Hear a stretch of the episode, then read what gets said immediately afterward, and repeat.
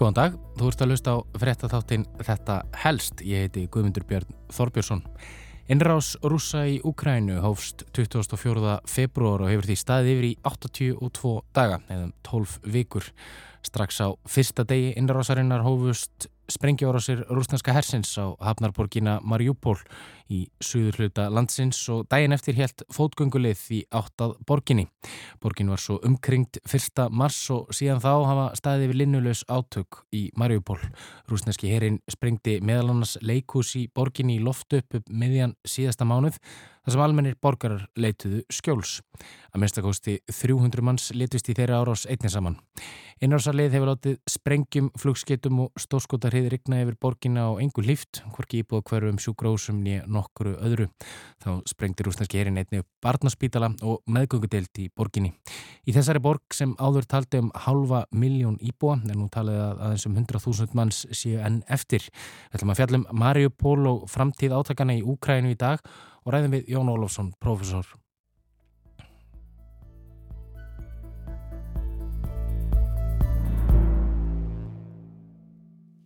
Fyrir nokkrum vikum ræti ég við Sergei nokkur Artamanov fyrir fréttaskýringatháttin heimskviður. Sergei er fættur og uppalinn í Mariupol en fluttist til Íslands fyrir tíu árum. Sistir Sergeis er hins enn í Mariupol og þegar ég rætti við hann þá hafði hann nýverið herti henni hljóðu eftir 56 daga af algjörði óvissu þögn. Sín Sergeis á átökinni Mariupol þá kom mér nokkuð og óvart. Heyrim hvað hann hafði að segja. Ég trúi því að öllum þessum hryllingi ljúki eins fljótt og auðvið er. Við sjáum núna merkja af þessu þegar rúsar koma. Þegar þau taka alla borg þá er þetta búið. Er það eins og núna, viltu það frekar að, að rússar taki bara borgina? Ég, já, þetta er ótrúlegt að heyra frá mér en ég bara hlakka til að þegar rússar rúsar taka uh, borgina mína. Af því að eins og ég saði áður fólk er aðalverðmæti okkar en um, við býðum fyrir fjölskyldu okkar og vinum allan uh, já bara alla tíma. Já, hann óskaði sér að átökunum í Mariupol myndi linna sem fyrst og rússar tækju borgina einfallega yfir. Ástæðan er ekki svo að hann vilji að heimaborg sín fari undir stjórn rússa heldur vegna þess að þá muni átökurum einfallega linna.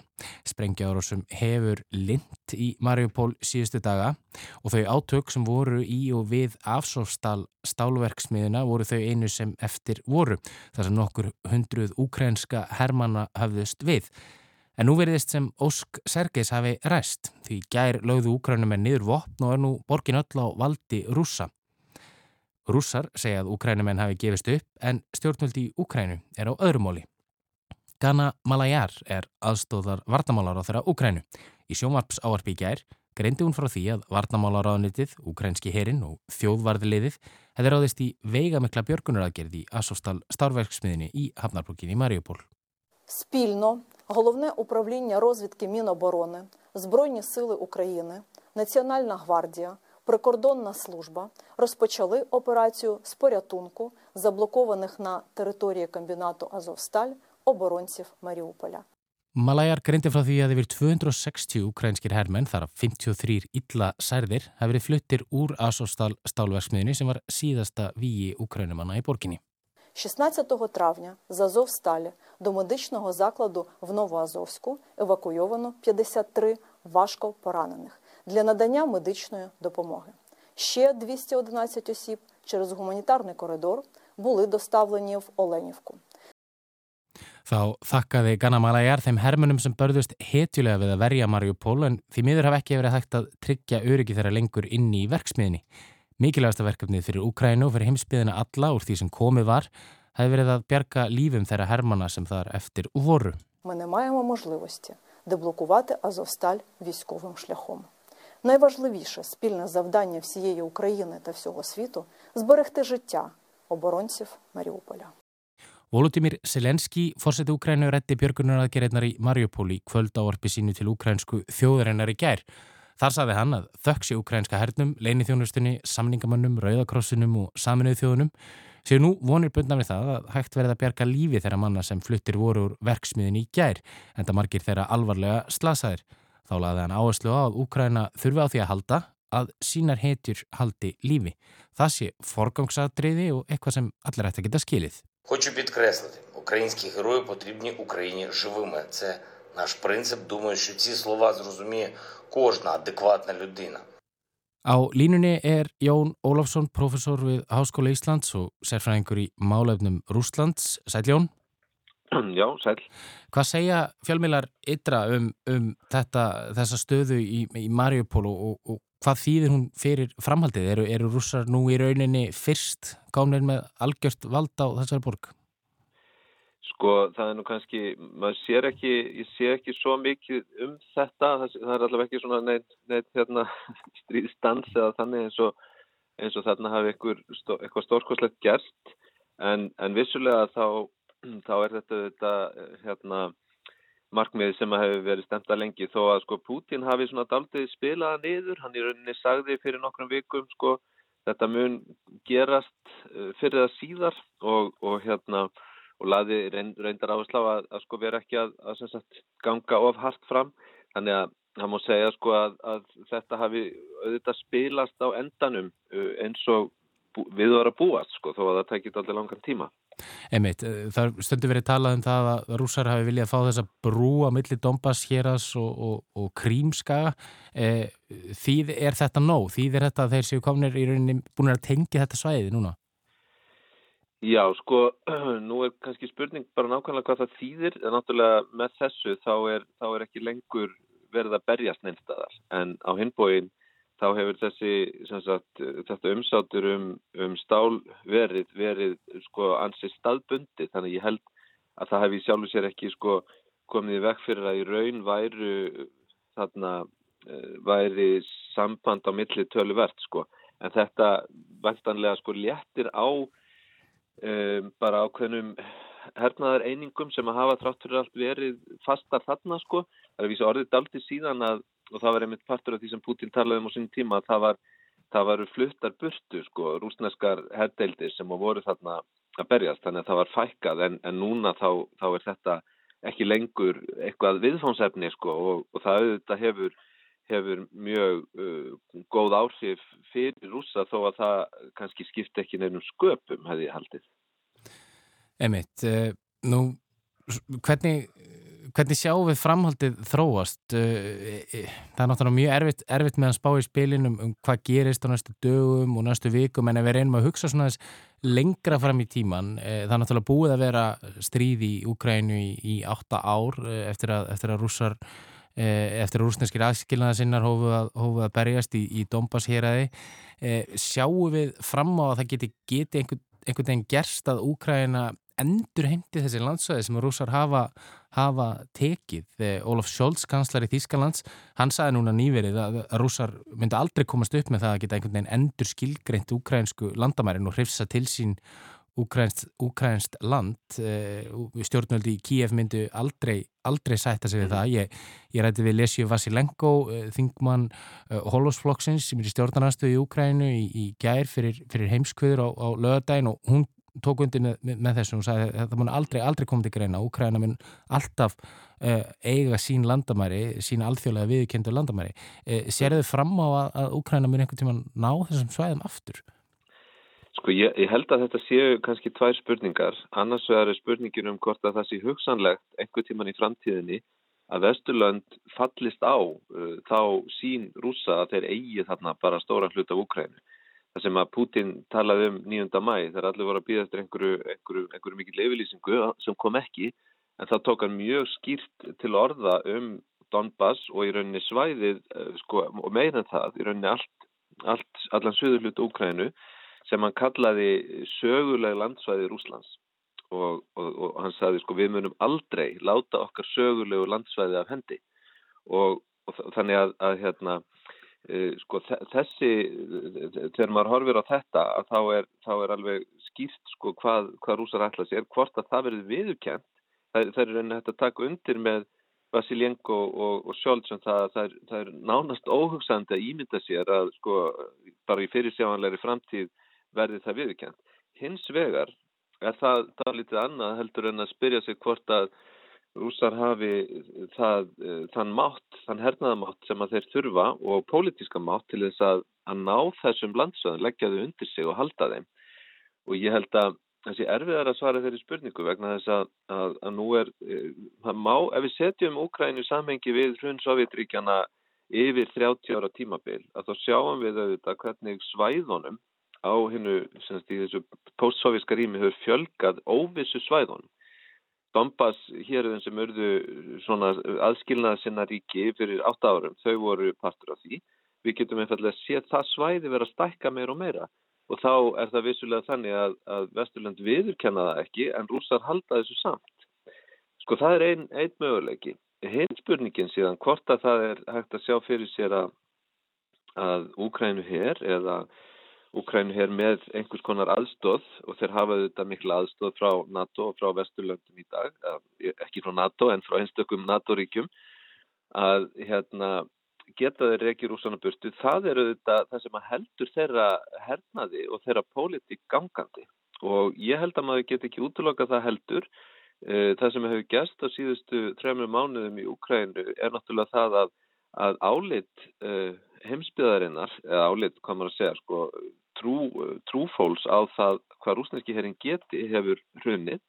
Þannig að hann hefur sínt sig að vera miklu, miklu e, bara lakari heldur en fólk var farið að halda í og með vegna þess að það var búið að egna þessa mælskulist svo lengi að hann væri orðin mjög sterkur og rúsa voru fannir að trúa því sjálfur eftir um, þess að það töldi verið árakur sinni í Sýrlandi. Þannig að ég held að við höfum þarna alveg tvö tvær sviðsmyndir uh, þar að segja annars vegar rússar haldasvæðunum á nokkur konar á nokkurar viðurkenningar og hins vegar uh, þeir fara halloka smátt og smátt á löngum tíma og á þessari stundu held ég að sé ekki hægt að, að segja til um hvort þeirra sé líkleri. Einmitt, eh, einhverju leiti væri þetta mögulega sambarlegt því sem við sjáum, sjáum í, í, í, við botni, botn miðjarhafs eh, þar sem að, að Ísraelar náttúrulega hernum, á, hernum ákveðin svæði í Palestínu og þau, það er ekki viðkent en náttúrulega samaskæp er Palestínu ekki viðkent sem sjálfstætt ríki af, af saminuð þjónum og, og, og hernar styrkur Ísraels náttúrulega byggist mikið á, á bandariskum fjármunum og, og kannski er eftir að sjá að, að rússar geti emitt eins og segir haldið haldið þessari hernar vel gangandi svona lengi. En eh, vendum okkur hvaða þessi kross. Nú, nú hafa sko svíjar eh, bæði stjórnvöld í Finnlandi og Svíþjóð uh, sóttum aðild að, að, að allastafs bandalæginu NATO uh, sem eru náttúrulega stór tíðind í sjálfu sér. Það eftir að koma í ljós hvort það gerist. Það eru svona einhverjar rættir á sveimi um það að, að Erdogan Tyrklands fósiti muni beita neitunumvaldi og, og koma í veg fyrir þessi ríki já, geti gengið í, í bandalægið. Eh, Vladimir Putin, hann hefur svona gefið, ég líti fyrir þetta og segist ekki að hafa neitt sérstaklega miklu ágjur að þessu, heldur að það sé rétt og, og, og eru, eru, eru hans menn í Rúslandi allir eh, sammálað um þetta? Já, sko, það er náttúrulega misjátt hvað minn hafi verið að láta út úr sér um þetta. Lavrov hefur tekið dýbra í áraðinu og Putin var hendar fyrst svona með, með svona meiri yfirlýsingar Núna þá gerir hann greinamun á þeirri staðrind að, já það verður staðrind, að Svíþjóð og Finnland séu í NATO annars vegar og, og síðan hernaðarlegum áhrifum hins vegar og hann segir að, að þetta kalli á ákveðna endur hugsun hernaðarlega á þessu svæði, þessu hérna í norðvestur Rúslandi. Hins vegar er þetta staðrindin svo að hann getur óskup lítið gert en sko Það má hins vegar líta svo á að þessi, þetta að, að, að rekja Svíþjóð og Finnland í faðum allarsvansbandalagsins séu þetta meiri hátar pólitísk, uh, hérna, uh, séu hörmuleg uh, pólitísk þróun fyrir Putin vegna þess að það sýnir bara að, að þessi hernaður í Úkrænu hefur fyrst og fremst orðið til þess að styrkja NATO og, og eins og er þá virðast hvorki svíjarni finnar hafa miklar áhyggjur af Erdogan þar að segja það verði hægt að semja við hann hér ólíklegt að, að Erdogan fari að spila það djart innan NATO hann fari að beita neitunarvaldi og þá náttúrulega veit maður aldrei. Þannig að, þannig að þetta er í sjálfu sér uh, sko fyrst og fremst uh, sko svona politíst og, og, og almennt uh, sko mikill já, mikill ósigur fyrir rúsa að þetta, þetta gerist því að nú hafa bæðið þessi lönd verið alveg klár á því að þau ætla að vera utan NATO bara alveg þanga til núna. Og sérstaklega kannski ljósið þess líka náttúrulega finnar eiga þarna 1300 km lang landamæri að Rúslandi og, og, og Putin náttúrulega var já, ítrekkaði það í sí og að í aðdraðanda innrásarinnar að, að Úkræna mætti alls ekki gangi nátt og einmitt út af þessari nálægð. Já, sko það er náttúrulega Lavrov sérstaklega, hann hefur nú verið að svona verið hérna laus laus orðari síðustu dag og vikur, menn hann var að segja síðast í, í morgun að Úkræna væri auðvitað bara skiptimind og, og hérna, þetta væri rauninni þetta snýrist um átök Vesturlanda við Rúsland og þessi stækkun NATO munið þetta svona íta undir þann málflutning, það sem maður getur kannski kallað bara harmkvæla málflutning rúsa sem að hefur verið mjög ábyrrandi undanfærin áratug. Og gengur allur út af það að, að Rúsland hafi á einhvern nátt verið svikið af NATO, uh, Vesturlönd hafi sérstakann áhuga því að knésjeta Rúsland, ég meina þetta var, hefur verið bara núna síðustu daga aftur og aftur viðkvæðið að, að markmið bandaríkja manna sé að Rúsland leysist upp, það rinji, uh, það hefur talað um að, að hérna, Rúslandi verði ekki leift að vera sjálfstætt ríki og svo kannar, það er mjög fyrðuleg sko mælskulist að hugsa til þess að þetta er eitt af eitt af voldusturíkjum heims sko. En, en þarna mun þessi, vantarlega getur við gert ráð fyrir því að þessi eh, tegund af, af svona já, sem ég myndi kalla harmkvæla mælsku muni verða ennþá sterkari. Og það eru þetta á endanum gæti verið réttlæti fyrir því að, að ganga lengra þó að það bendi ekkert til þess ennþá að að rúsar allir að fara að fylla eitthvað við sín kjarnorku vopna þá er, það eitthvað sem allir eru hrættur um að kunna gerast á einhverjum tímapunkti. Einmitt, bara örstuðt í lokin Jón, endurspeglar, endurspeglar þetta viðhorf, til dæmis Lavros uh, viðhorf alminnings í Rúslandi í dag, er það að breytast? Er fólk að átta sig meira og meira á því hvað er að gerast þarna í Ukræni? Sko hinga til höfum við eiginlega ekki séð merki um mikið annað heldur en uh, bara harðari þjóðverðnisli viðhorf og að fólk sé tilbúnara en áður til að standa með sínum stjórnvöldum sko. Það er ennþá, uh, ennþá það sem ég les allavega úr, úr því sem ég sé frá Rúslandi. Um, ekkert sem bendir til annars en, en þetta náttúrulega er mjög brotætt uh, sko, mjög, þetta er mjög brotætt viðþorf og, og, og ef að fyrir að þrengja verulega að þá getum við séð það að þetta breytast en, en við erum ekki farin að sjá það ennþá. Emit, kæra þakkir fyrir komuna Jón Ólásson, við komumst ekki lengra í byli, þættinum er lokið í dag, við verðum hér aftur á sama tíma á morgun, verið sæl.